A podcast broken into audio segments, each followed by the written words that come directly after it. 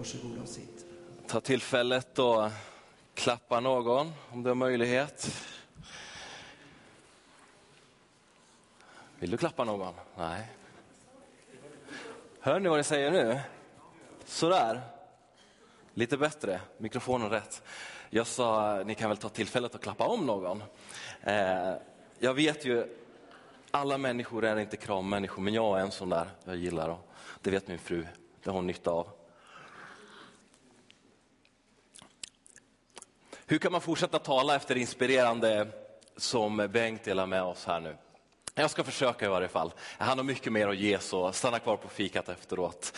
Eh, men jag tänker att vi ska gå rakt in i rubriken för idag.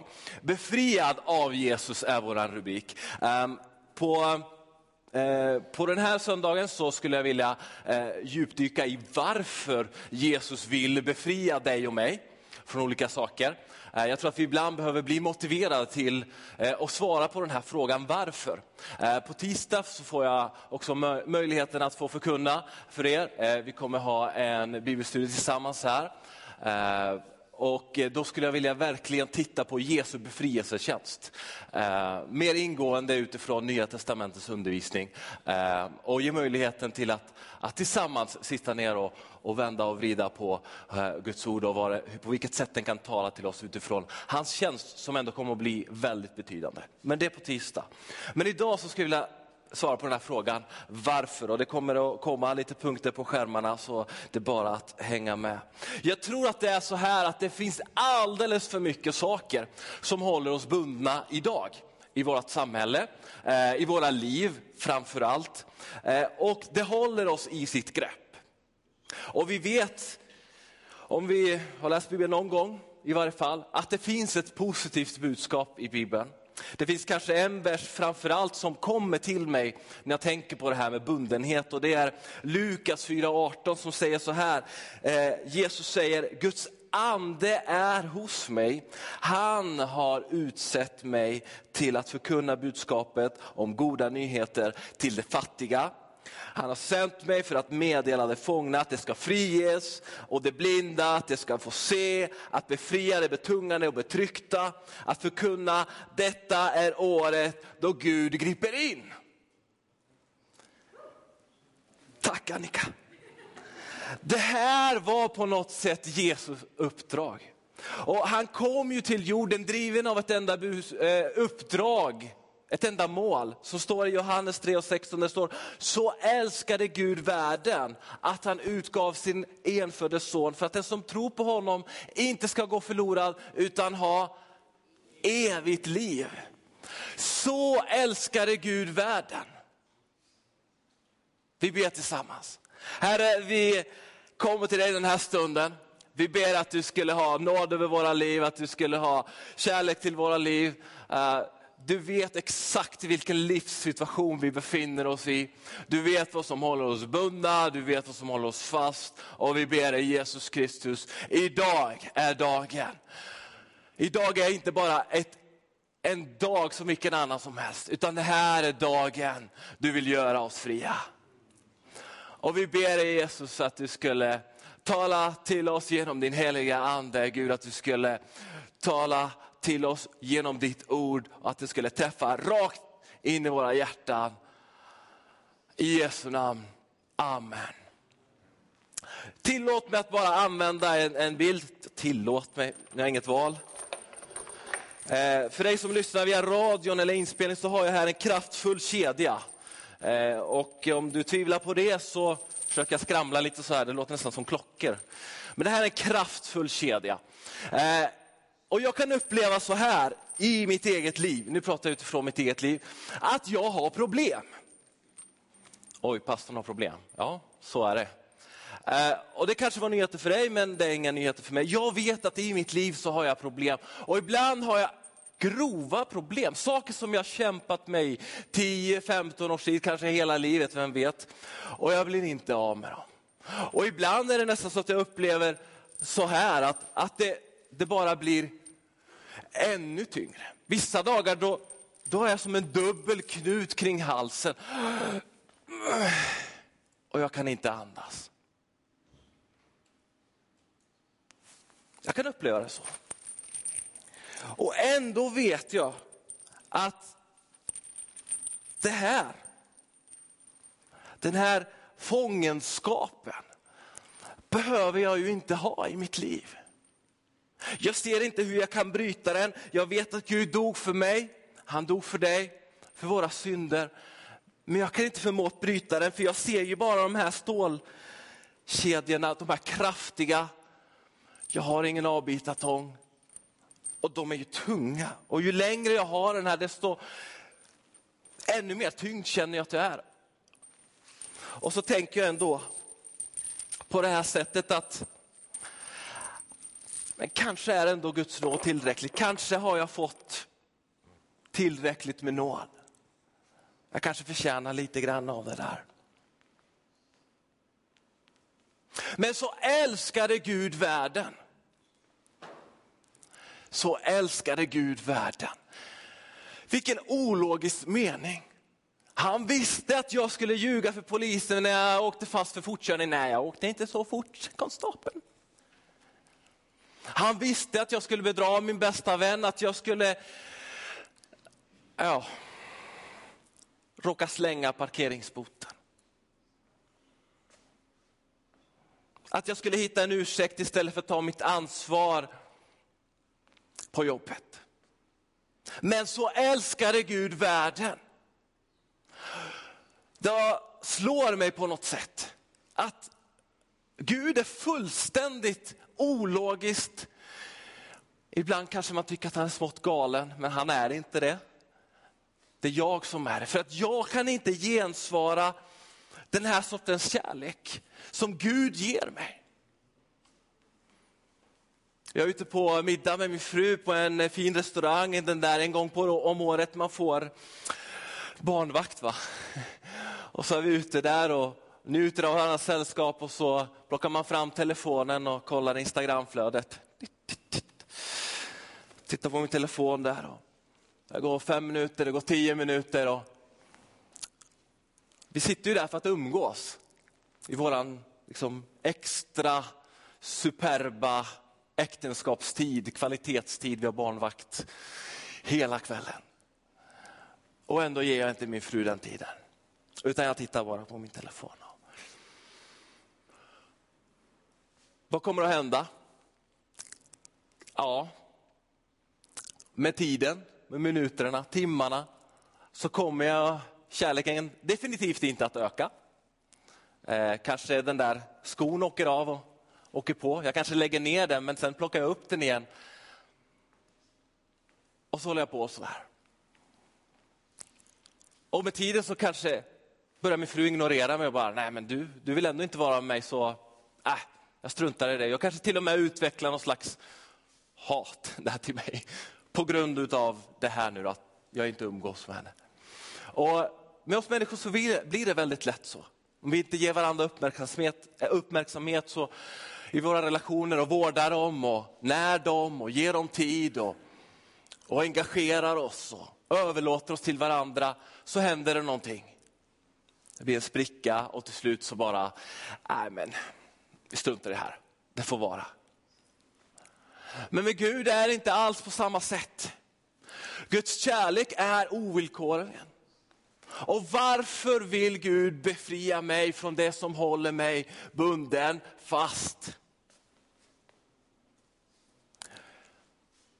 När mina relationer har gått snett? Jo, det är för att Gud älskar varje människa. Kanske inte det varje människa gör alla gånger, men Gud älskar varje människa.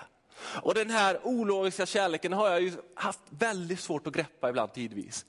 Och det finns en berättelse i, i Hosea som jag skulle vilja dela med dig. Det står i Hosea bok. Eh, Hosea 1 om du har din bibel med dig. Hosea var en profet, gamla testamentets tid. Han levde ungefär 750 år före Kristus. Och han är kanske en av de textmässigt mindre profeterna i Bibeln, men inte desto eh, mindre värd. Han hade mycket att komma med. Jag vill dela kanske en obekväm berättelse, men Eh, som är så viktig. Han levde i en tid då Israel var fullständigt i avfall. Kanske inte helt olik vår tid idag. Det var två riken eh, som var uppdelade. Eh, och i, i det nordliga riket som man tror att han tillhörde så var det också ett rike där man var väldigt förmögna, man hade välstånd eh, och de rika förtryckte också även eh, de fattiga. Eh, man hade en stor avgudadyrkan och alltså samhällets förfall, det fanns liksom inte mått för att kunna liksom beskriva dessa. Och där är han, profeten, en man som ska dela Guds tilltal till sitt folk. Och så får han inte bara ett ord, utan han får även ett, ett konkret uppdrag från Gud. Och det står så här i Hosea 1 eh, och 2. Detta är början av Herrens ord genom Hosea. Herren sade till honom, gå och skaffa dig en sköka till hustru, hustru och skaffa dig barn till en sköka, till landet har bedrivit hor genom att överge Herren. Då gick han bort och tog Gomer, Diablajims dotter, till hustru och hon blev havande och födde en son åt honom. Um, en gudsman, det här är ju fullständigt galet. Vad håller du på med Andreas? Hur kan du predika om det här? Jag kommer till punkten, oroa dig inte. Här är det Gud som ger Hosea tilltal. Gå och skaffa dig en sköka till hustru. Det är fullständigt ologiskt. En gudsman, du, ska, du får inte ens vara vid de platserna. Och dessutom ska, dessutom ska vi ta en person som har varit fruktansvärd bara rent mänskligt. Och gifta dig och få barn. Men han lyder Gud. Och de får ju sammanlagt tre barn. Eh, och eh, det går en tid och efter en tid så lämnar Gomer, då, hans hustru, honom och går tillbaka till prostitution. Där är han, Hosea. Guds man, ensamstående med tre barn och ska vägleda andligt sett Israels folk. Är det bara jag eller ringer det många klockor här? Vad händer? Lite senare så får hon se till tilltal. Det står så här, kapitel 3, vers 1. Herren sade till mig, gå och älska din hustru igen fast hon älskas av en annan och har begått äktenskapsbrott. Älska henne som jag, Herren, älskar Israels barn, fast han vänder sig till andra gudar och älskar druvkakor, alltså druvkakor, något som användes till, till balstyrkan, avgudadyrkan alltså. Och jag köpte henne åt mig och gav för henne 15 siklar silver och en homer och en letekt korn. Och jag sa till henne, under lång tid ska du vara hos mig, bedriv inte otukt och ge dig inte åt någon annan man. Jag ska vara hos dig.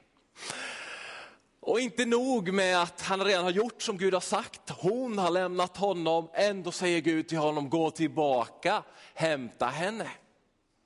Och han går och han gör det och när han går och söker upp henne inser han att hon har hamnat under slaveri hos någon annan människa. Och han måste köpa tillbaka sin egen fru. Hallå? Vad händer? Köpa tillbaka sin egen fru, det är ju inte ens normalt i någon kultur. Hur är det ens möjligt? Men han gör det. Men han säger också till henne, och du ska vara hos mig och du ska inte gå till någon annan man, du ska stanna hos mig och jag ska vara hos dig.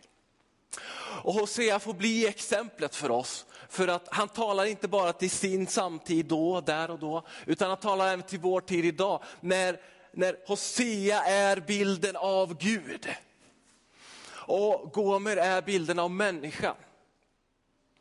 Och ta nu ingen illa upp nu här, men jag och du är Gomer. Vi kommer att svika Gud. Vi kanske inte är prostituerade i den bemärkelsen, men du och jag, vi kommer att svika Gud. Jag kommer att göra det.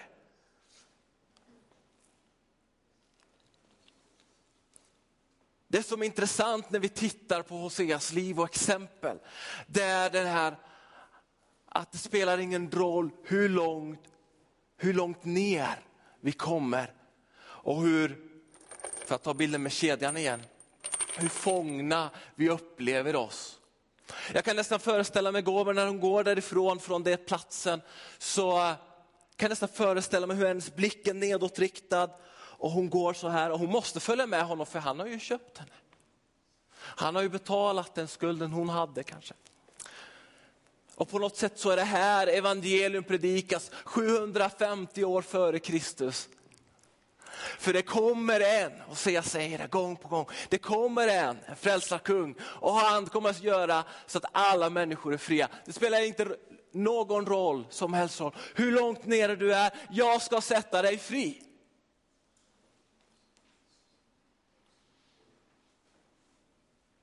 Tittar vi på grundtexten så är det otroligt intressant att, att studera den. För att om vi tittade på betydelsen av Messias namn så betyder det frälsning, alltså räddning. Tittar vi på, på vad gomer betyder så betyder det slutförande eller komplettering, någon avslutning av någonting. Och lägger du ihop det här, ett plus ett, så ser du att det är detta som är Jesu uppdrag i våra liv. Att det han har skapat oss till, till att ha en relation med oss från allra första början. Vill han återupprätta till varje pris. Han är beredd att gå hur långt som helst.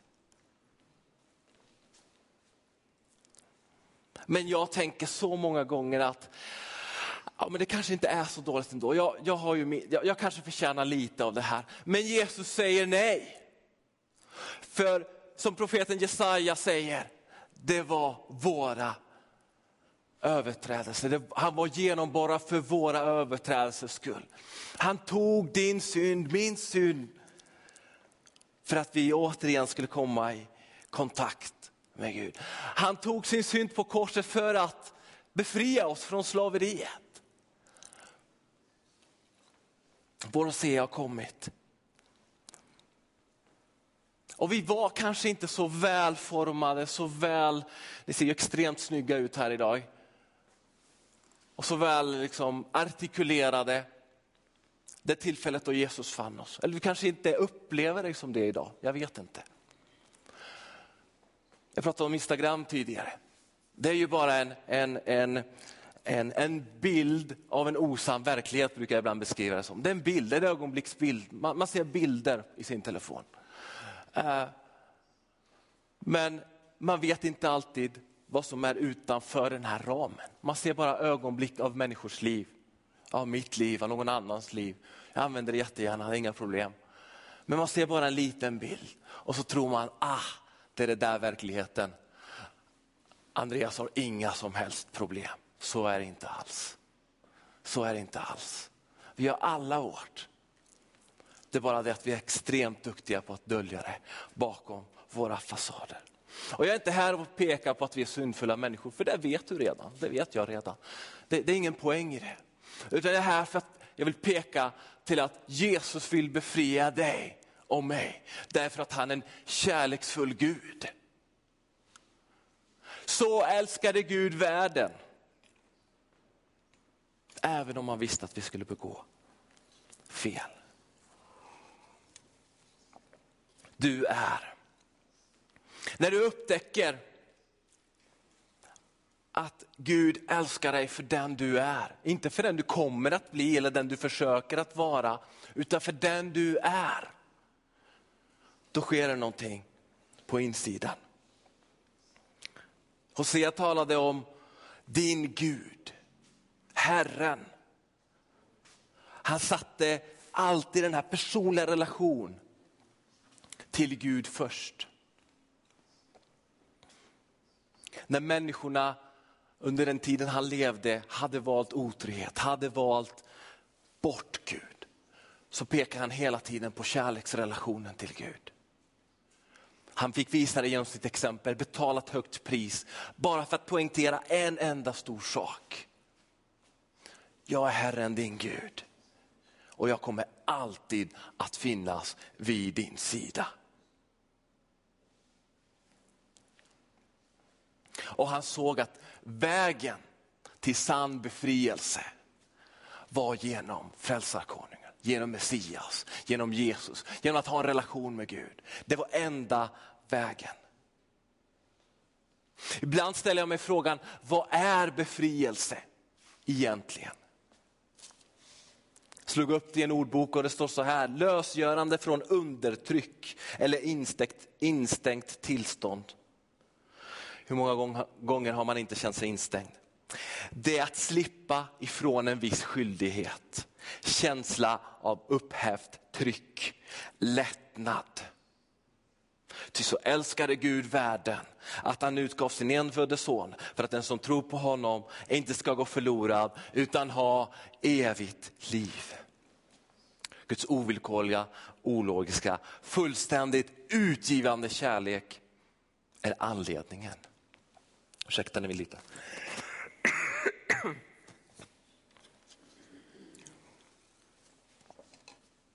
Så det spelar ingen roll vilken bild du har av dig själv eller vad du har varit med om i ditt liv. Det har ingen större betydelse. Det som har en betydelse, det är om vi låter Gud befria oss från det som vi håller oss fast, bundna. Initiativet har Gud redan gett. Han finns där, tillgänglig. Han säger här är det. Frågan är, vill vi ta emot det? Vi vill låta oss bli befriade. Allt vårt samhälle, alla våra familjesituationer, oss själva. Vi kan sätta ett ganska högt tryck och krav på oss själva. Att ska leva, vara på ett speciellt sätt. Men Jesus säger, kom till mig. Alla som är tyngda, kom till mig. Och jag ska ge er vila. Jesus säger det gång på gång genom hela sitt liv. Han vill ge oss frihet från beroende. Var och en som gör synd är syndens slav. Men om nu sonen gör er fria blir ni verkligen fria. Johannes 8.36. Vi älskar därför att han först har älskat oss. När vi ser det Jesus gör på korset för oss, att han utgav sig själv, att han gav sitt liv för dig och mig. För att vi skulle bli fria från det som håller oss fångna, den här kedjan som vi kanske upplever ibland. När vi upplever att Jesu offer på korset, det var till för mig. Då gör det någonting med oss. Då sätter det oss det fria. Man tror att frihet många gånger är att man får göra vilka val man vill. Visst, absolut. Men frihet är också att älska på det sätt som Jesus älskade. Men också frihet att förändras. Ibland kan man höra någon människa säga så här. Du är som du är, du kan inte förändras. Du är sån som du är, du kan inte förändras. Men jag tror så här, att den goda nyheten som evangeliet talar till oss idag, det är att du kan förändras. Det finns hopp. Även om Gober föll återigen i den djupaste av alla träsk, om man vill kalla det så. I våra kanske mänskliga ögon, även om Gud inte gör skillnad. Så fanns det en nådfull Gud som reste henne upp. Och sen höll hon sig till honom. Kärlek, glädje, frid, tålamod, vänlighet, godhet, trohet, mildhet och självbehärskning. Galaterbrevens 5 och 22. Detta är vad som sker när Guds ande får tillträde i oss i våra liv. Och Guds erbjudande här idag. I Romarbrevet femte och åttonde versen står det så här. Men Gud bevisa sin kärlek till oss genom att Kristus dog i vårt ställe medan vi ännu var syndare. Och vi kan fastna i otillräcklighet, vi kan fastna i ett dåligt självförtroende, i en osäkerhet och tänker, nej men jag kanske ändå förtjänar den här kedjan som jag har över mitt liv. Men det var inte det Jesus säger. Det säger att så älskade Gud världen. Det var inte villkorat, det var tvärtom. Innan, innan vi ens var till. Han vet alla våra fel vi kommer att begå. Han vet allt detta. Men för Gud så är det viktigaste att han vill ha en kärleksrelation med dig. Han vill att vi ska leva fria. Inte som den här definitionen. Han vill att vi ska uppleva lättnad. Jag gillar det här. Lättnad.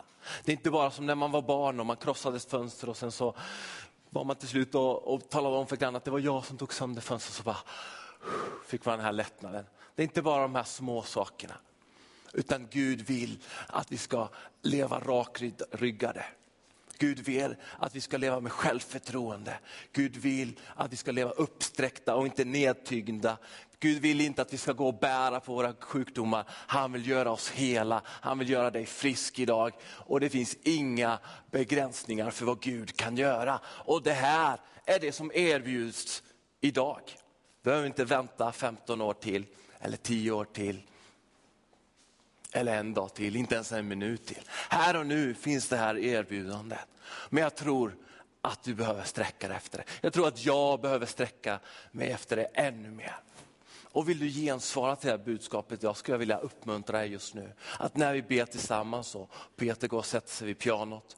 Så, så när vi ber tillsammans så vill jag bara be en befrielsebön över ditt liv. Och längtar du efter det här då vill jag att du sträcker efter Gud och säger Gud, det är jag. Jag behöver bli fri från vad det nu än är för någonting. Jag tänker inte nämna någonting utan lämna det helt öppet.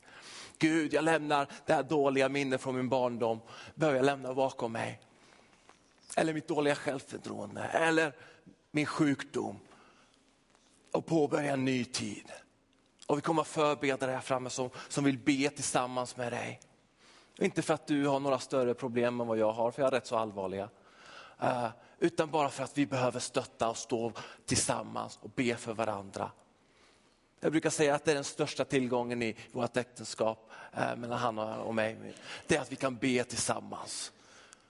Det som tynger oss och frigöra varandra. Och jag tror att samma sak är i en församling. Att vi kan stå tillsammans, lägga handen om varandra och säga, Gud gör dig fri. Och den bönen ska vi be idag. Och jag tror att Gud vill göra det till en verklighet i ditt liv. Vi ber tillsammans. Om du vill gensvara så, så säger du bara Gud, inkludera mig i den här bönen. Herre, vi, vi tackar dig för ditt ord som, som verkligen är som ett tveeggat svärd som genomtränger hela vår varelse, hela våra liv. Och just nu så bara överlämnar vi oss själva till dig helt och hållet. Gud, jag ber att i namnet Jesus att du skulle frigöra oss från det som håller oss tyngda, befria oss. Vi kanske känner oss som en gomer som känner oss smutsiga, ovärdiga. Att vi ibland behöver krypa till dig Jesus. Men det spelar ingen roll vart vi har varit, eller ens var vi var igår kväll. Du kan förlåta, du kan bota, du kan återupprätta allt. Och jag ber att du skulle göra det här undret, här och nu. För alla människor som, som längtar och lyssnar på ditt ord. I namnet Jesus så ber vi om befrielse, om lättnad, om frälsning, om räddning över våra liv. Och när vi lämnar den här lokalen, när vi, när vi slutar att lyssna på det här budskapet, så är det en lättnad över våra liv. Din heliga Ande har kommit över våra hjärtan och botat våra sjukdomar. Den här livshotande cancern är borta. Det där hatet har lämnat mitt inre. Den relationen som inte fungerar kan vi bara lämna över till dig Jesus. Herre, du är vår befriare, du är vår frälsare. Tack för att du tar emot oss idag. Du reser oss upp. Och du sträcker på oss, Herre. Så vi kan leva våra liv inifrån och ut. Inte utifrån och in, utan inifrån och ut kan vi leva våra liv. Fyllda av den helige Ande och hans kraft. I oss. I Jesu namn. Amen.